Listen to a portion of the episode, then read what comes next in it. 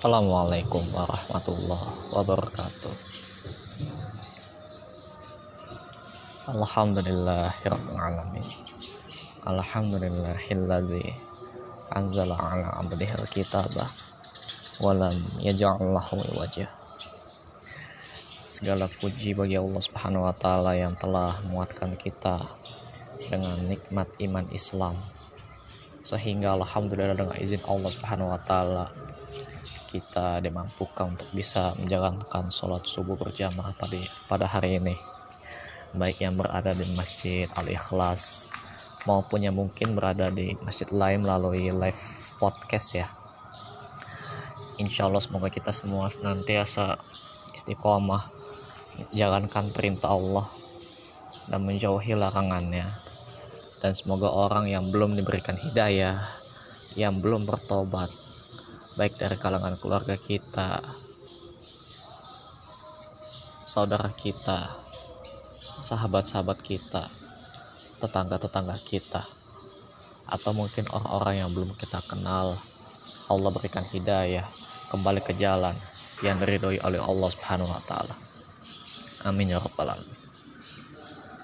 Dan jangan lupa mari kita ucapkan salawat dan salam kepada junjungan Nabi besar kita yakni Nabi Muhammad Wasallam beserta para keluarganya, para sahabatnya, dan orang-orang yang senantiasa berjalan istiqomah di bawah naungan sunnah Nabi Muhammad Wasallam hingga akhir hayatnya. Alhamdulillah kita masih bersama Al Imam An Nawawi rahimahumullah melalui kitab beliau, karya beliau, yakni kitab Riyadus Solihin. Semoga Allah merahmati beliau, keluarganya, orang tua beliau, guru-guru beliau, murid-murid beliau, orang-orang yang beliau cintai dan juga seluruh kaum muslimin di mana pun berada. Hari ini kita masih bersama bab ke-9 yaitu bab tafakur yang secara pengertian orang awam bisa diartikan merenung berpikir sejenak gitu ya. Merenungkan makna kebesaran Allah Subhanahu wa taala. Memikirkan ciptaan Allah Subhanahu wa taala. Memikirkan hikmah di balik penciptaan langit dan bumi beserta segala isinya termasuk syariat yang Allah turunkan. Hikmah di balik turunnya Islam turunnya Al-Quran begitupun seterusnya itu semua perlu ditafakuri terlepas kita mendapat hikmahnya atau tidak gitu ya. Kita senantiasa dilatih untuk berpikir. Ya nanti tujuannya itu adalah semakin mudah bagi kita untuk mengevaluasi kekurangan kita. Apa yang kurang dalam hidup kita ini gitu ya orang akan berpikir nanti ke depannya dia harus lebih baik lagi dalam melakukan sesuatu. Tentunya dalam hal ini adalah masalah agama ya. Untuk semakin berusaha meningkatkan amal soleh kuantitas dan kualitasnya sangat diperhatikan dari hari ke hari. Yang tadi ya biasanya sholatnya masbuk jadi terus melatih dirinya agar bisa sholat tepat pada waktunya mempersiapkan diri untuk menghadap Allah Subhanahu wa taala dengan sebaik-baiknya dan seterusnya. Itu salah satu dampak jika seseorang bertafakur ya. Dan di dua hari yang lalu kemarin sudah dijelaskan kata sebagian para ulama perhatikanlah orang-orang yang merenung. Gitu ya. Biasanya mereka akan bertobat ketika dalam posisi merenung. Begitu ya.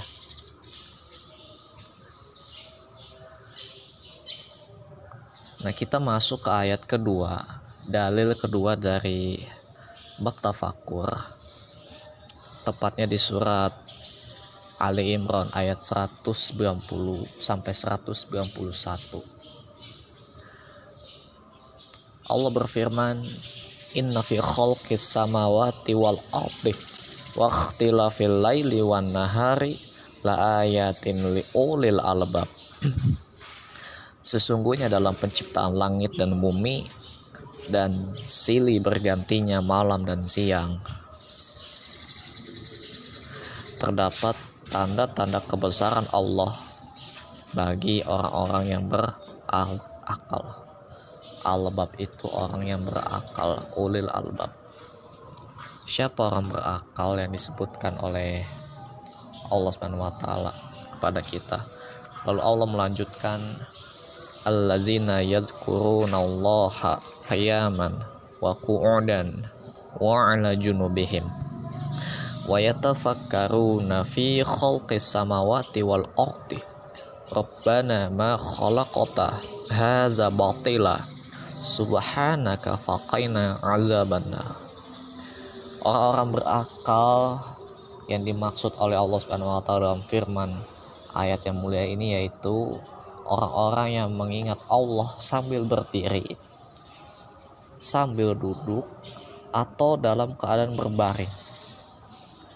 Dan kemarin kita udah jelaskan maksudnya dalam kondisi apa pun seorang orang yang berakal itu sejatinya dia mengingat-ingat berpikir gitu ya tentang kebesaran Allah Subhanahu wa taala memikirkan ciptaan Allah Subhanahu wa taala dalam kondisi dia sedang melakukan apa pun gitu bukan berarti mereka berdiri, duduk atau tidur dalam satu majelis gitu. Maksudnya dalam kondisi tertentu. Misalnya dalam kondisi berdiri, dia memikirkan ciptaan langit dan bumi.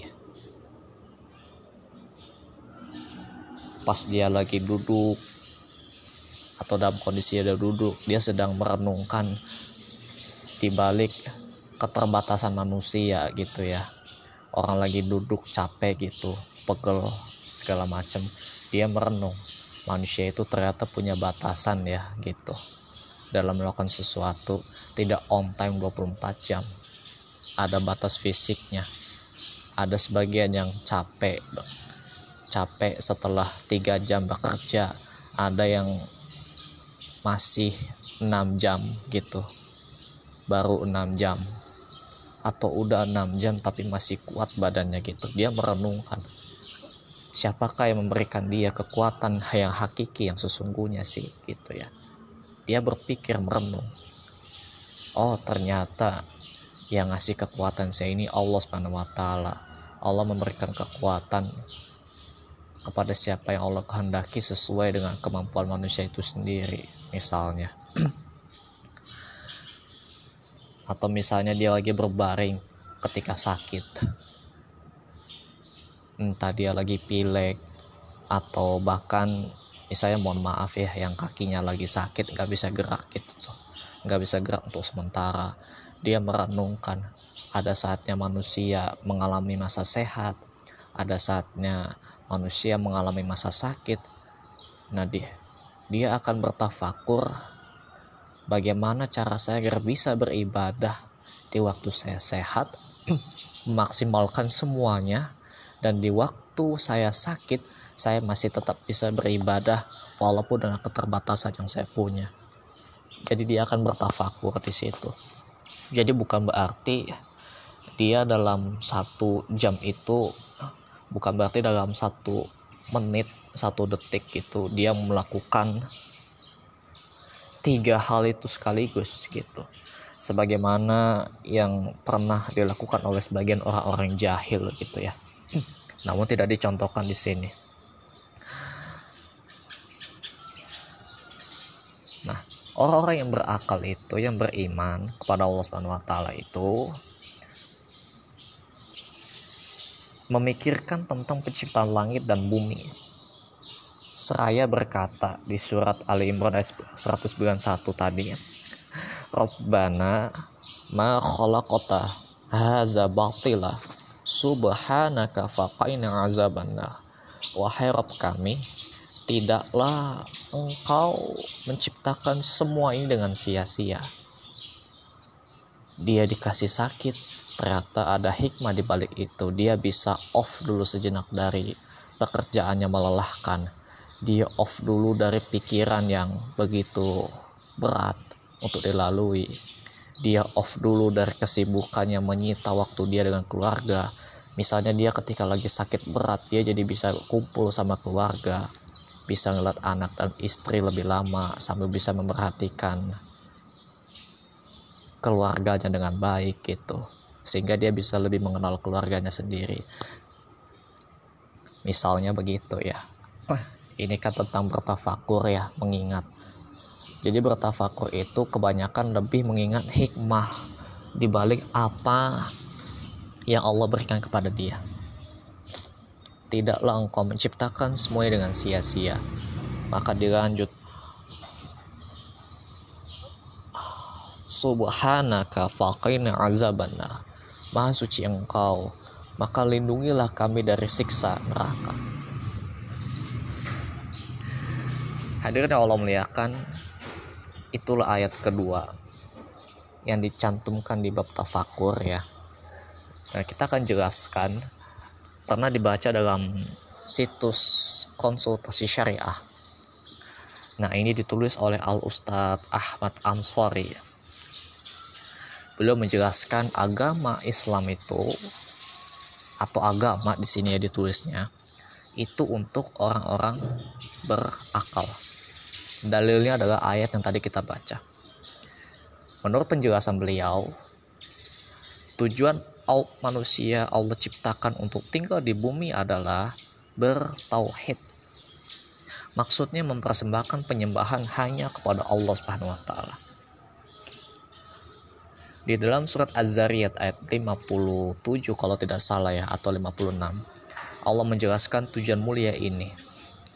Wa ma khalaqtu jinna wal insa illa liya'bud liya'budun tidaklah kamu cip tidaklah kami ciptakan jin dan manusia kecuali untuk beribadah kepadaku menyembahku. Gitu. Maka di saat tujuan penciptaan manusia meninggalkan meninggali bumi ini untuk menyembah Allah Allah tunjukkan kepada mereka tanda-tanda keberadaan kekuasaan, kebesaran, dan kemuliaannya. Agar manusia menyembah Allah dengan kesadaran, peridoan, cinta, dan pengagungan. Bukan karena paksaan atau sekedar ikut-ikutan. Ya kalau anak muda biasanya anak anak-anak yang udah SD kelas 5 kelas 6 gitu lah yang udah belajar main sana sini kebanyakan kan hanya ikut sholat karena masalah diajak tetangganya temannya gitu eh bro ke masjid yuk main gitu. Ke masjidnya main bilangnya gitu. Sholat sih sholat tapi ya sambil ngobrol gitu segala macem. Ikut-ikutan aja. Giliran giliran lah ke uongi nggak ada juga orangnya gitu. Dianya nggak ikut ke masjid. Ke masjidnya hanya karena diajak teman aja. Nah tapi menyembah Allah didasari tulus ikhlas dan ilmu ini di antara wujud kasih sayang Allah Subhanahu wa taala.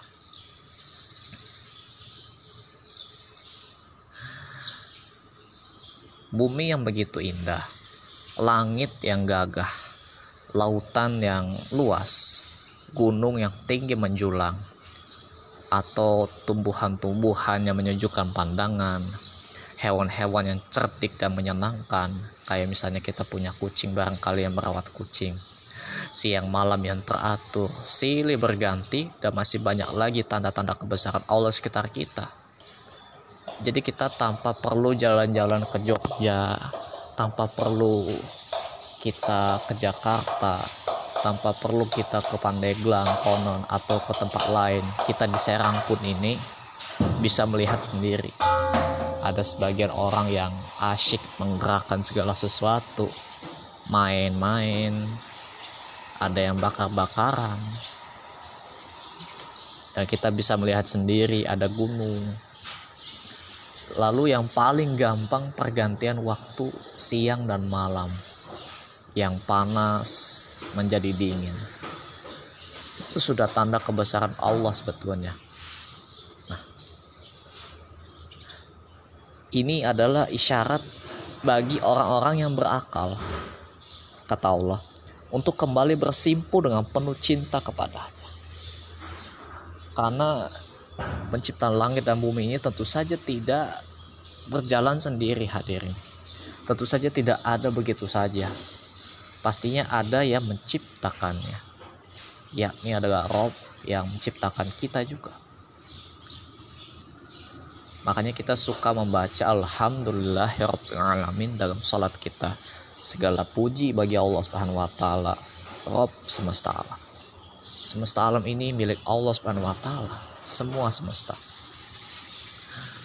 Maka kenapa disebut berakal? Karena pada dasarnya kita ketika menjalani hidup, kita pastinya akan dihadapkan pada berbagai pengalaman. Mulai pengalaman dapat sakit, mulai pengalaman menikmati masa sehat, lalu dia melihat keadaan sekeliling yang merasakan demikian. Itu semua ada hikmah tersendiri yang perlu dia pikirkan, yang perlu dia sadari. Baik itu hikmah agar dia bisa memperbaiki diri menjadi lebih baik dalam urusan agama, baik itu hikmah agar dia berhati-hati dalam urusan dunia atau dia hikmah agar dia bisa mengambil pelajaran ketika dirinya dizolimi misalnya dia diperintahkan untuk sabar. Kenapa saya harus sabar gitu misalnya? Itu ada hikmah tersendiri. Kalau kita bicara hikmah itu semuanya bermula dari tafakur merenungkan. Jika orang tidak punya waktu untuk bertafakur, ya sangat wajar sih. Dia tidak mendapatkan pelajaran hikmah, pelajaran hidup yang sangat berharga. Sekalipun dia sudah berusia 50 tahun ke atas, sudah puluhan tahun dia hidup, namun kalau dirinya tidak pernah bertafakur kepada Allah, sejatinya orang tersebut belum berakal. Karena dia menganggap ya udah wis lah, pagi siang malam gitu. Ya wis aja lah gitu. Wis konon.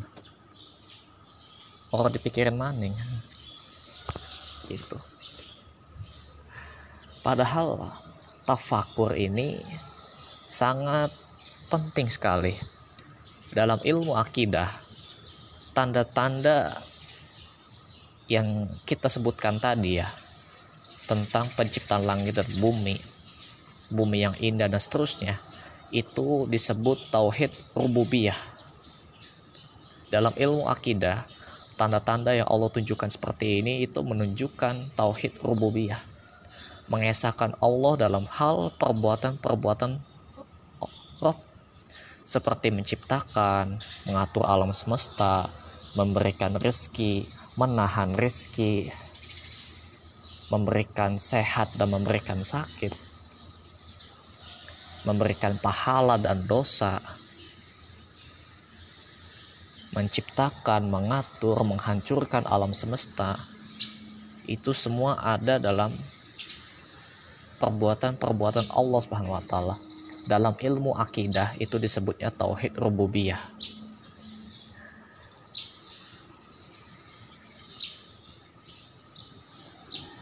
kemudian hal itu akan menjadi perantara untuk sampai pada inti tauhid yaitu tauhid uluhiyah yaitu mengesahkan Allah dalam penyembahan atau ibadah gitu nama tauhid itu udah banyak ya ini bukan nama-nama tauhidnya ini hanya macam-macam secara ilmu teoritis mengesahkan Allah dalam perbuatan-perbuatan Allah semacam mengatur, menciptakan atau menghancurkan alam semesta itu teori il tauhid rububiyah. Bukan berarti membagi tauhid jadi tiga.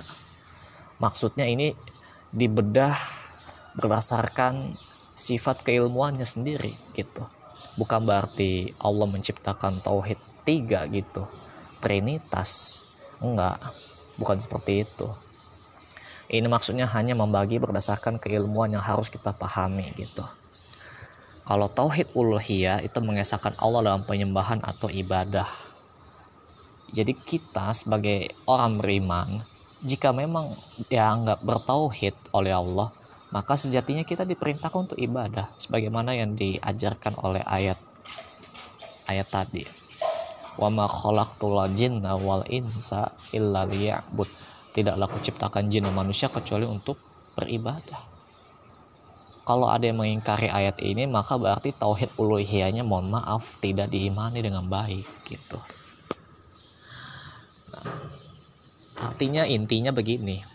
Saat seseorang sadar bahwa Allah satu-satunya pencipta semesta, alam semesta yang indah dan teratur ini, konsekuensi dari kesadaran ini adalah menyembah Allah semata dan meninggalkan segala sesembahan selain Allah Subhanahu wa taala. Gitu. Namun tak semua manusia peka menangkap sinyal kebesaran Allah tersebut. Peka gitu. Maksudnya mudeng hanya orang-orang yang punya karakter tertentu saja. Kalau pakai bahasa umum manusia ya, setiap orang itu beda-beda gitu bahasanya. Sebuah karakter yang sangat mahal, pembeda antara manusia, makhluk yang paling bermartabat dengan hewan. Yaitu apa? Berpikir. Tafakur. Itu dia. Karakter yang mahal karakter yang susah didapatkan. Walaupun saya bilang di awal kemarin tafakur itu masih kata kerja ya. Dia memikirkan apa dulu masalahnya. Kalau memikirkan yang jelek ya maka tentunya dalam konteks ini tidak nyambung. Ini yang kita bicarakan adalah tafakur tentang kebesaran Allah Subhanahu wa taala. Maka ayatnya Allah rinci tadi. Nah, iya. Yang membedakan antara manusia dengan hewan adalah tafakur, berpikir ini kalau hewan dia menjalani hidup ya hanya makan minum tidur. Gitu. Makan minum tidur. Kita pernah nggak sih merhatiin seekor ayam kalau ada azan tiba-tiba merapat ke masjid? Ya enggak lah masih matok makanan matok makanan matok makanan. Gitu atau bersembunyi di sangkar gitu di kandangnya.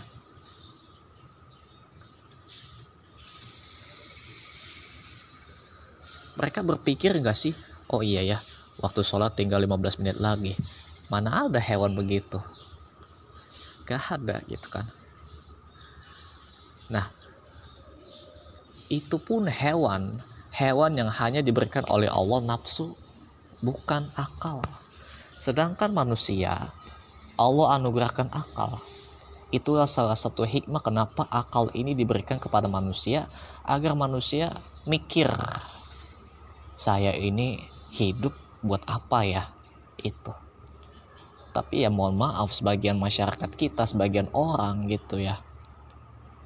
Waktu subuh subuh lewat zuhur lewat dia nggak mikir. Padahal dia muslim yang dipikirin apa? Kerja aja kerja wis kerja nunggu akhir bulan gajian beli barang yang mewah konon. Kerja maning. Mengkonon dia berpikir tidak di balik penciptaan langit dan bumi itu ada sebuah pesan yang Allah sampaikan kepada dia Makanya sebagian dari kita mohon maaf tidak peka dalam masalah ini.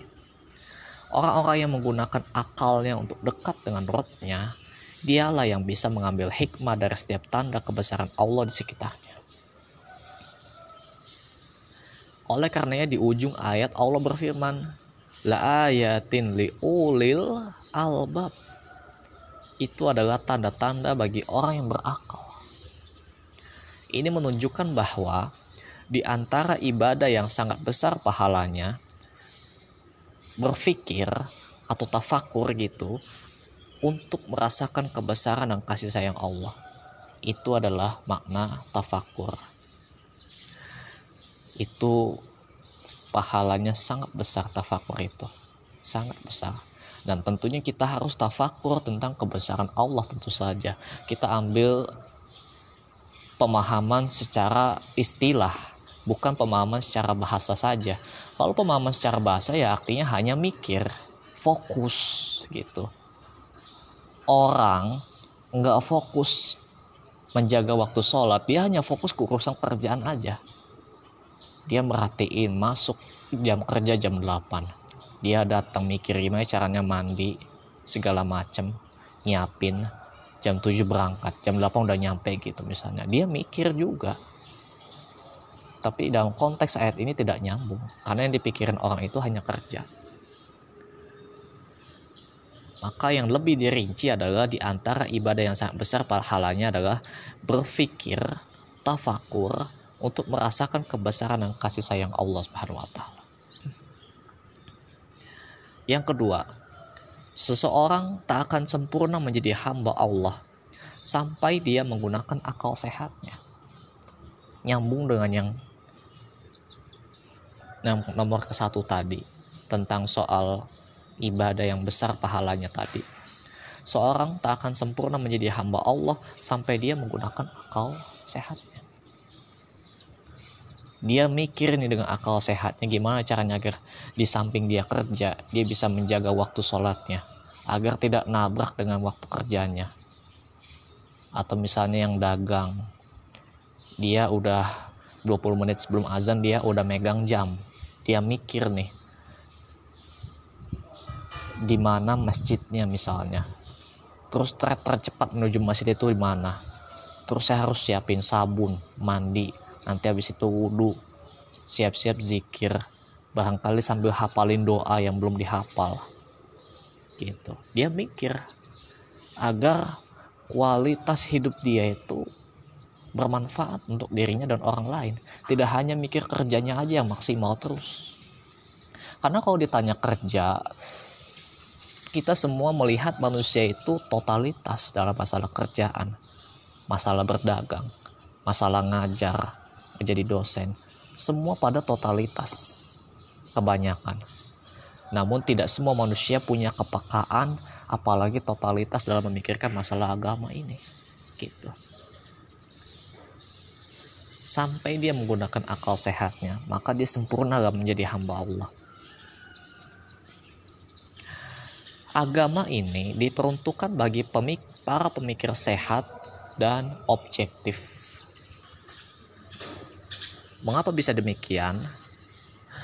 Karena pada ayat berikutnya Allah terangkan di antara sifat orang berakal itu adalah allazina yazkurunallaha qiyaman wa qu'udan wa 'ala junubihim wa yatafakkaruna fi khalqis samawati wal ardi yaitu orang-orang yang berzikir mengingat Allah sambil berdiri atau duduk atau dalam keadaan berbaring, tiduran gitu.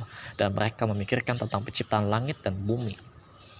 Nah, seraya mereka berkata di situ ya, Rabbana ma khalaqta hadza batila. Subhanaka faqina azaban nar. Ya Rob kami, tidaklah engkau ciptakan ini semua dengan sia-sia. Maha suci engkau maka peliharalah kami dari siksa neraka. Gitu. Itulah sifat orang yang berakal, kata Allah Subhanahu wa taala. Jadi yang tidak seperti itu, ya mohon maaf, memang disebut tidak berakal. Gitu, tidak berakal. Karena dia nggak engeh, nggak mudeng. Diciptakan dia ini untuk apa? Dan hikmah dibalik adanya perintah Allah berupa sholat itu kenapa gitu? Dia nggak mikir. Kenapa saya harus sholat ya? Boro-boro mikir mengkonon dia memikir gimana cara caranya dapat lowongan kerjaan. Gitu.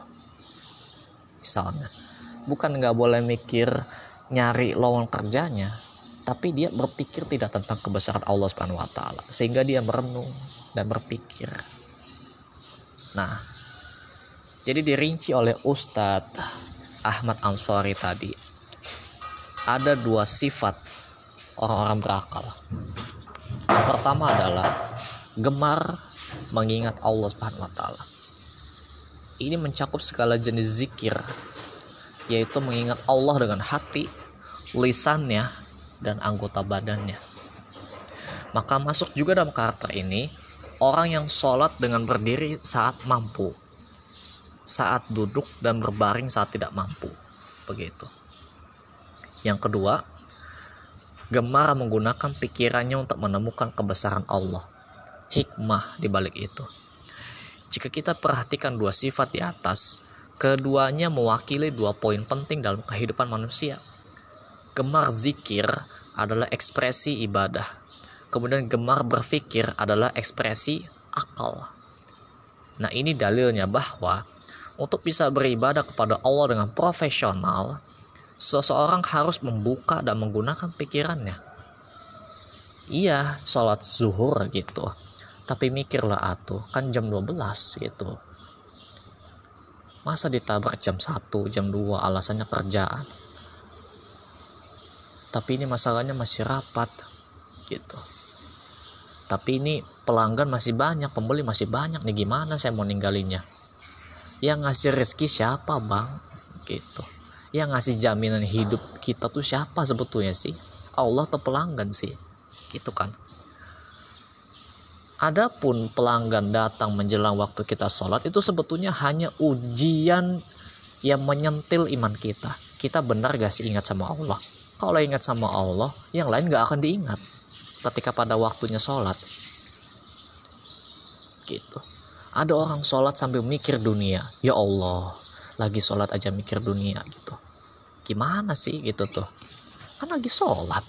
Kenapa yang diingat malah hutang? Yang diingat malah cicilan belum lunas?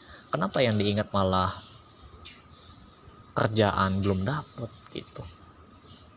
Sholat tuh pikirkan dulu kebesaran Allah di situ. Nanti ketika dia sudah selesai sholat, selesai doa, selesai zikir, baru dia keluar dari masjid mikir tuh urusan dunianya tuh gimana caranya bisa dibereskan. Tapi subhanallah memang tidak memang tidak mudah sih untuk hal seperti ini.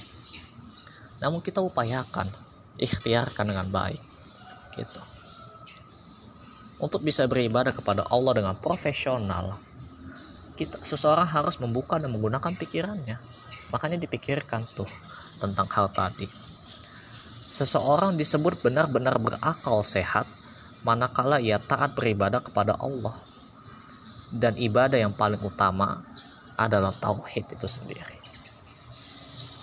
Wallahu taala alam bisawab. Mungkin itu penjelasan yang bisa disampaikan. Kurang lebihnya mohon maaf.